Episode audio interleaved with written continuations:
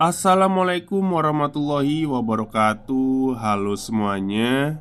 Jumpa lagi dengan saya Chow Sing Sing Kurator dari podcast Horror Night Story.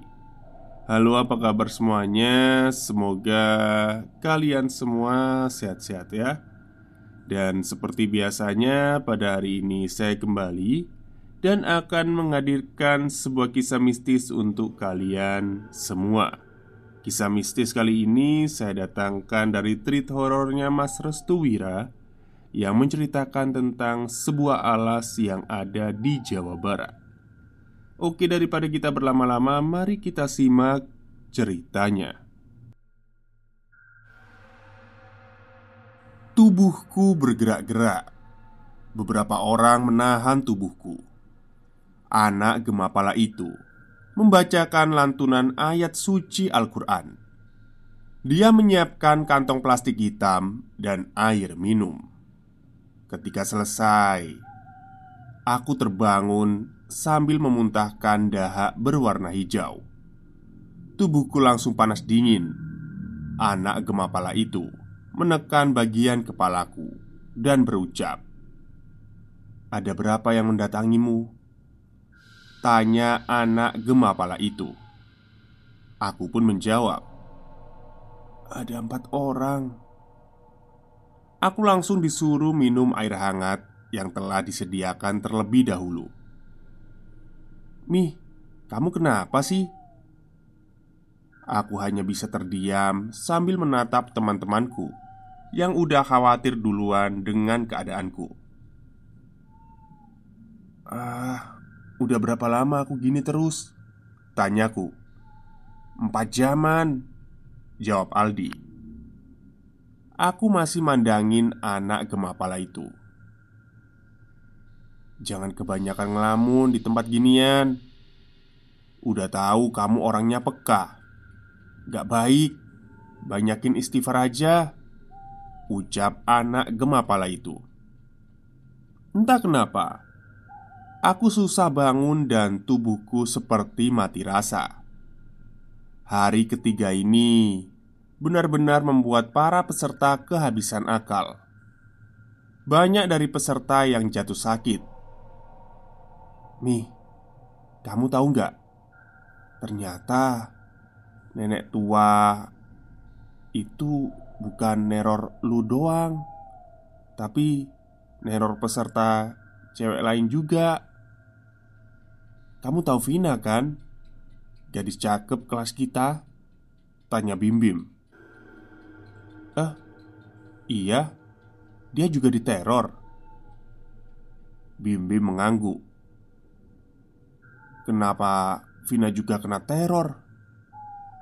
Masing-masing peserta masih berbisik-bisik Mereka telah menyadari ada sesuatu yang tidak beres di buper ini. Buber itu mungkin bumi perkemahan ya. Beberapa menit setelah aku sadar Kak Tasya kembali kesurupan. Dia berteriak histeris dan mengamuk. Beberapa panitia menghentikan pukulan demi pukulan yang dilayangkan oleh Kak Tasya. Hingga anak gemapala itu turun Kak Tasya pun membaik. Akhirnya round dan acara berubah total. Anak Gemapala meminta agar tidak diadakannya api unggun. Tapi panitia menolak. Api unggun adalah kegiatan paling penting yang harus dilaksanakan. Ah, terserah kau lah. Aku nggak mau tanggung jawab loh Ucap salah satu anak Gemapala Kak Rosyad mengiyakan Acara tetap berjalan dengan segala resiko yang telah ditetapkan Kak Rosyad menyuruh para panitia dan peserta untuk menyiapkan api unggun. Aku meminta kepada Bim Bim untuk menemaniku, tapi panitia menolak. Acara api unggun harus diikuti oleh semua peserta kecuali yang berhalangan saja. Aku gak bisa berbuat apa-apa. Aku masih memandangi Kak Tasya apa jangan-jangan Kak Tasya yang membuang kantong plastik hitam itu ke sungai? Kak Tasya masih setengah sadar Nafasnya masih belum stabil. Dia memang punya penyakit asma. Ketika acara api unggun itu berlangsung, Kak Rosyad memberikan klarifikasi bahwa jangan pernah meragukan keyakinan kita. Kak Rosyad yang memang berbeda pandangan dengan anak Gemapala meyakini bahwa tujuan didirikannya kegiatan ini agar kita semakin berani.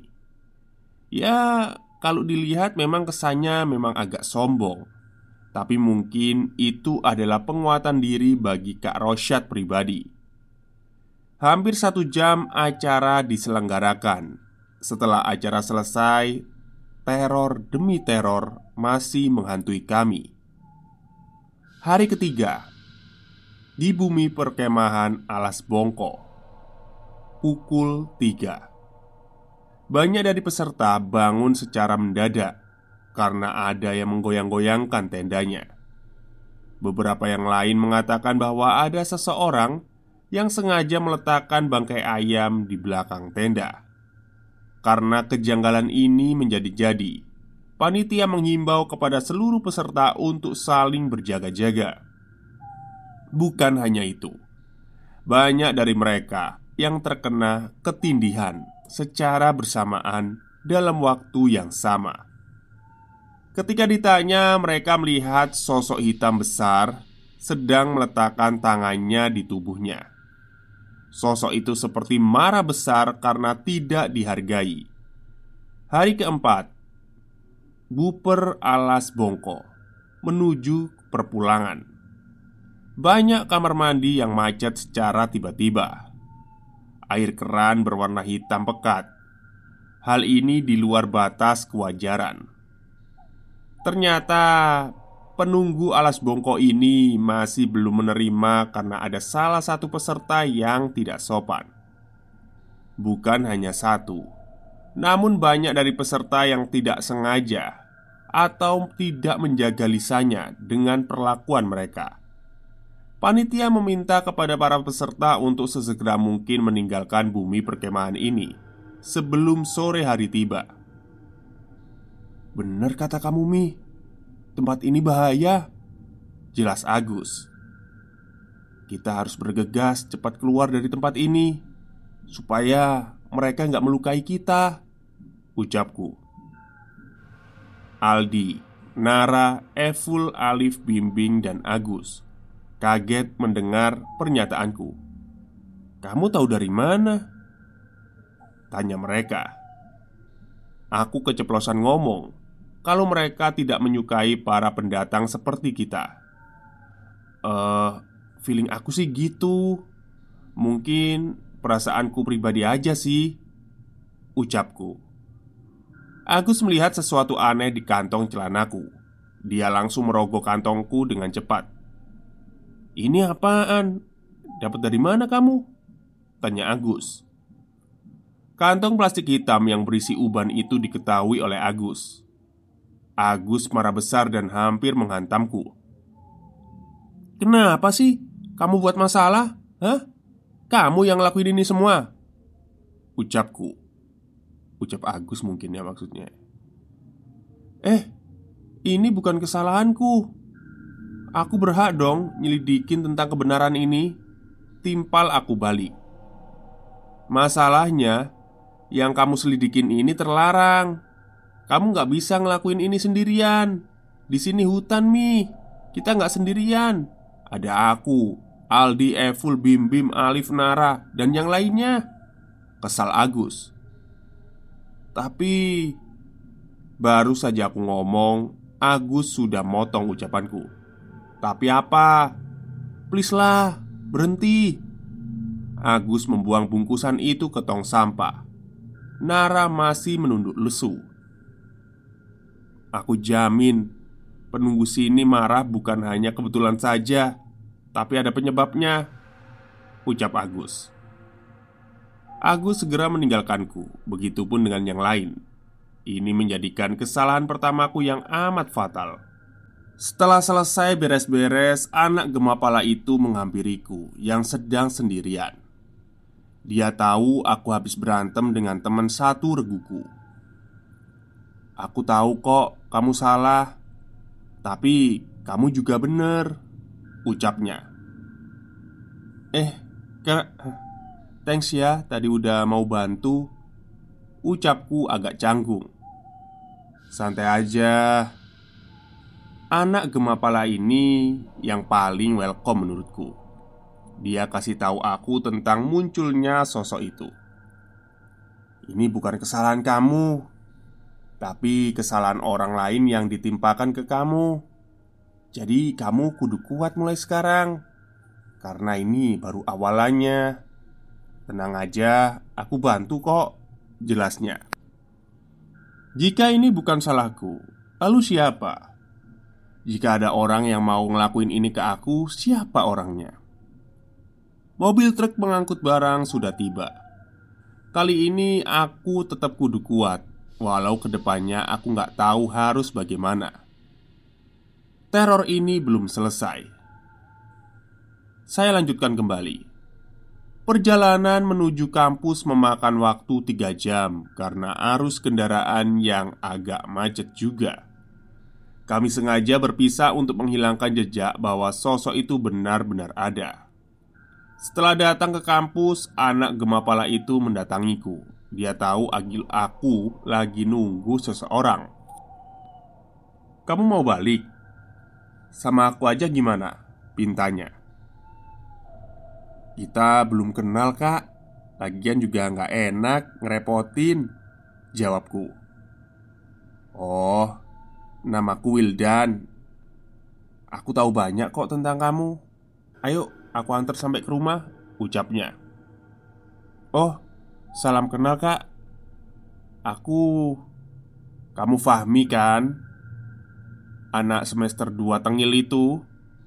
Nama kamu udah kesebar. Gara-gara kamu berani debat dengan dosen psikologi Banyak orang yang nyariin kamu. Jawabnya Aku baru tahu Namaku udah kesebar luas tapi ya bodoh amat lah Aku nggak peduli. Aku langsung bawa peralatanku Agus dan yang lainnya masih cuek melihatku. Mereka seperti tidak mempedulikanku lagi. Oke lah, nggak masalah juga. Yang aku takutin cuma si Nara. Terlebih lagi dia hanya dengan kakaknya di rumah. Orang tuanya udah cerai. Rah, lu balik sama siapa? Tanyaku. Ada aku Mi. Tenang Nara bakal aku antar sampai rumah kok Ucap Bim Bim. Aku lega ngedengernya. Kak Wildan udah siap menyalakan sepeda motornya. Dia benar-benar hafal jalan menuju rumahku ternyata. Di perjalanan Kak Wildan memberi jawaban sebenarnya tentang sosok itu. Kamu pernah dengar nyelingsik gak? Tanya Kak Wildan. Nyelingsik? Apaan kak? Tanyaku. Nyelingsik itu orang yang suka makanin kutu. Biasanya dia itu suka jagain cucu-cucunya. Ucap Kak Wildan. Emang kenapa cucu-cucunya? Tanyaku. Ya, ada rumor yang beredar. Cucunya dibunuh dengan disobek-sobek mulutnya. Tangannya dicambuk dan diperlakukan secara nggak manusiawi Makanya aku yakin banget Kamu udah ketemu sama si cucu-cucu nenek itu kan? Tanya Kak Wildan Hah? Kok tahu kak? Tanyaku Aku tahu kok Karena dulu pernah ada yang sama seperti kamu Dia sampai depresi dan keluar dari kampus Aku langsung merinding Apa bener si nenek itu ngikutin aku terus? Padahal aku kan gak salah apa pun. Emang jalan satu-satunya keluar itu ya harus keluar kampus kak. Tanyaku Setauku sih iya. Dia harus mencukur rambutnya dan menguburnya persis di depan rumahnya. Nanti Si nenek itu nggak berani mengganggu lagi karena ada rambut yang tertanam di dalam rumahnya Ucap Kak Wildan Kak Wildan ini sangat berpengalaman dalam hal ini Dia mungkin bisa diajak kerjasama untuk mengungkap asal mula nenek itu muncul dan meneror kita semua. Sesampainya di rumah, ibuku langsung meluk dan nyambut hangat aku serta Kak Wildan. Ibu memang sangat welcome orangnya. Waduh, ada tamu juga. Masuk, kata ibuku. Aku pun mengizinkan masuk juga. Kak, masuk dulu yuk. Gak usah, Mi. Aku langsung balik ke kampus. Ada kerjaan yang belum beres Jelasnya Oh, oke okay, kak Aku boleh minta nomor WA-nya nggak? Kak Wildan memberi nomor WA kepadaku Nomor ini bakal jadi bukti kalau aku benar-benar gak salah Terima kasih ya kak Oke, sama-sama Kak Wildan langsung menuju kampus Aku langsung bawain perlengkapan dan alat-alat ke dapur karena aku bagian masak. Sesampainya di kamar, aku langsung rebahan dan menatap langit-langit. Kenapa si nenek itu ngejar aku ya? Ucapku dalam hati. Aku buka HP dan dapat banyak banget notif pesan. Isinya adalah mengenai teror di bumi perkemahan alas bongko. Kenapa mereka kena teror juga?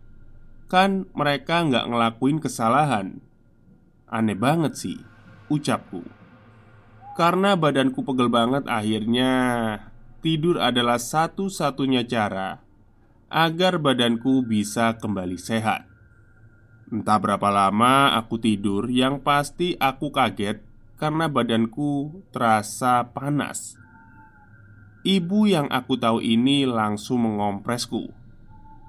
"Kok suhumu naik banget, Mi? Kamu di sana makan mie terus ya?" tanya ibu. "Ya iya toh, Bu. Soalnya kan gak ada lauk di sana." ucapku. "Besok ke puskesmas ya?" pinta ibu. "Iya, Bu." Karena aku nggak bisa ke mana-mana, hal yang bisa aku lakuin cuma main HP. Aku buka notif pesan WA Ingat banget aku baru save nomor Kak Wildan. Dan aku langsung coba chat dia. Wih, ternyata Kak Wildan fast respon. Dia langsung membalas Dan aku ceritain keadaanku yang makin ke sini makin gak baik.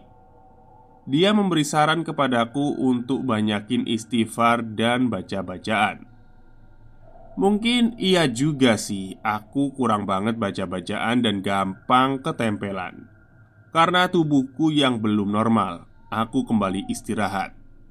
Aku pengennya besok nggak usah berobat. Mungkin aku cuma kurang istirahat aja. Ketika tengah malam, aku ngedengar ada tembung Jawa yang pernah aku dengar ketika di bumi perkemahan alas bongko. Perlahan ada tangan yang memegangi punggungku dari belakang. Tangan itu nampak kecil dan kurus. Tangan itu terus maju ke arah perut dan memelukku secara perlahan. Tubuhku mulai merinding bergetar. Keringat dingin mulai bercucuran. Mungkinkah nyelingsik itu ada di belakangku? Ketika aku lihat tangan yang memeluk, ternyata hanya tulang dan kulit saja. Warnanya putih pucat. Urat-uratnya terlihat jelas. Aku langsung baca bacaan sebisa mungkin dalam hati, tenang dan terus berpikir positif thinking. Aku tarik nafas agar nggak terjadi halal di luar nalar. Alhasil, sosok itu berhasil menghilang karena mungkin ini bakalan jadi sesuatu yang sangat rawan. Aku pun tutup mulut dari ibu. Ibu nggak boleh tahu kejadian itu. Pagi harinya, ibu membawaku ke puskesmas. Ternyata demamku nggak turun-turun. Mungkin ini adalah langkah terbaik. Setelah diperiksa, aku positif kena gejala tipes.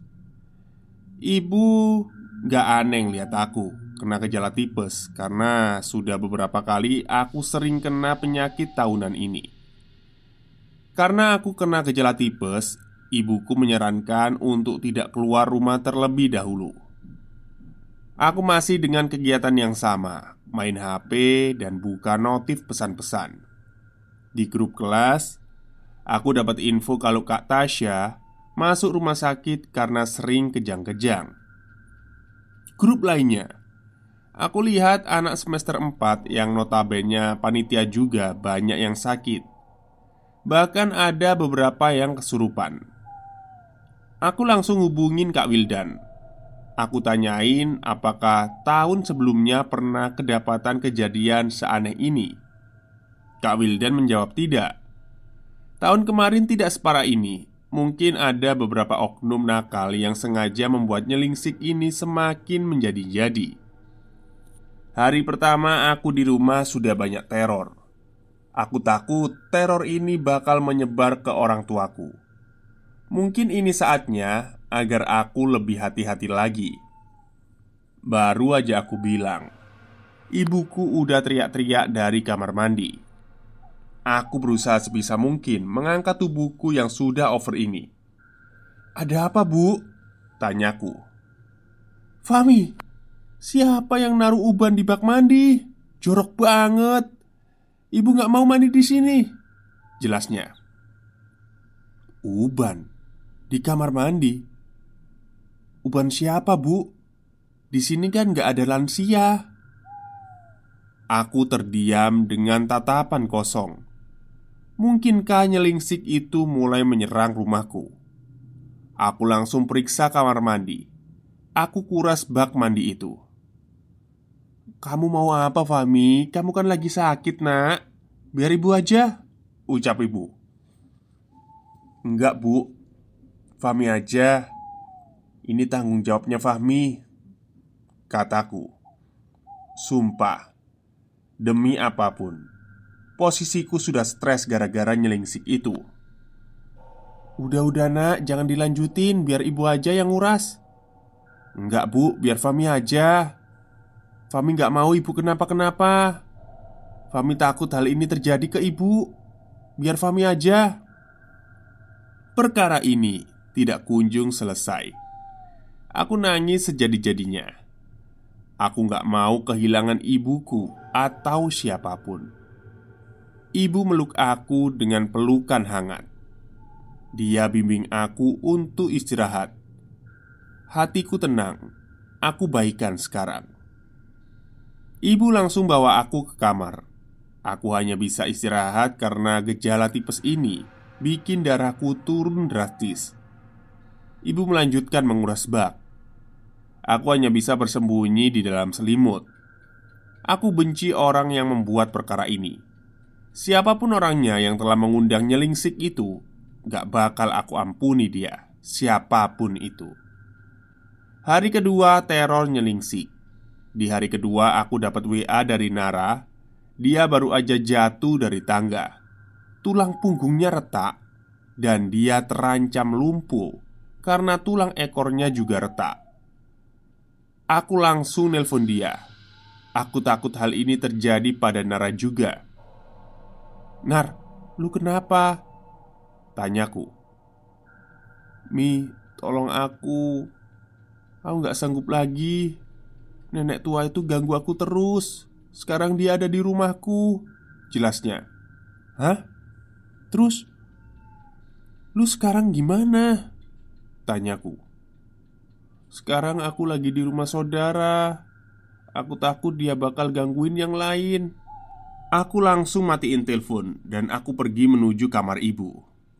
Aku melihat ibu sedang menyisiri rambutnya dan memakan kutu-kutu. "Bu," kataku. Ibu gak ngerespon. Dia tetap lanjutin menyisiri rambut dan mengambil kutu-kutu itu. Aku langsung ambil sisirnya dan melemparnya jauh-jauh. Ibu marah. Dia mencoba mencekikku. Aku yang tenaganya belum pulih langsung kewalahan dengan tekanan tenaga ibu. "Bu, istighfar, Bu!" teriakku. Aku dengan cepat mendorong ibu hingga dia terjatuh dan kepalanya membentur tembok. Ibu langsung pingsan. Aku pun menggendongnya ke kasur. Aku sedih melihat ibu yang kerap kali kena teror. Apa mau dari nyelingsik itu? Aku gak berani ninggalin ibu sendirian Aku takut nyelingsik itu bakal neror lagi. Aku pun segera menelpon Kak Wildan. Aku ambil handphone di kamar. Ketika aku di kamar, betapa terkejutnya aku ketika melihat banyak uban yang berserakan di kasurku. Aku nggak mau mikirin itu. Aku ambil handphone dan menuju kamar ibu. Di situ aku langsung nelpon Kak Wildan. Aku ceritain kejadian barusan. Kak Wildan memberi saran kepadaku agar memasang kelambu di setiap kamar dan jangan mematikan lampu di malam hari. Aku dapat notif WA dari grup kelas kalau Kak Tasya sedang koma. Aku yakin ini bukan hal yang biasa dan di luar nalar. Rencana banyak dari mahasiswa untuk nengok. Aku diajak Kak Wildan untuk nengok Kak Tasya. Ya, aku nggak bisa janjiin karena ibuku juga sedang sakit Hal yang buat aku bingung, apakah orang yang melanggar aturan itu sendiri adalah Kak Tasya? Karena aku nggak bisa menolak. Akhirnya aku bawa ibu ke rumah Bude yang jaraknya dekat dari rumah. Bude paham betul dengan apa yang sedang terjadi. Tepat setelah maghrib, aku dijemput Kak Wildan. Aku dibawa ke salah satu RS di kota B. Dalam perjalanan aku hanya diam saja Mungkinkah Kak Tasya adalah pelaku utama yang membuat pelanggaran ini? Setibanya di RS, aku ketemu dengan Aldi, Alif, Evul, Agus, dan Bim Bim. Dia menanyakan keadaanku. Aku tanya apakah mereka kenal teror. Tapi mereka menjawab tidak. Mungkin hanya aku dan Nara saja yang kena dampak ini.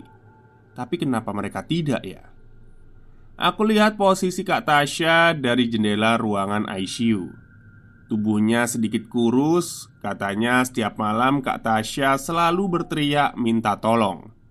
Makanya malam ini keluarga besarnya meminta agar teman-temannya turut hadir menjaganya. Tepat tengah malam, aku mendengar suara minta tolong. Suara itu datang dari kamar Kak Tasya. Ketika aku tengok, sosok nyelingsik itu ingin menggunting selang pernafasan dari Kak Tasya. Kak Tasya sadar bahwa nyelingsik itu hadir.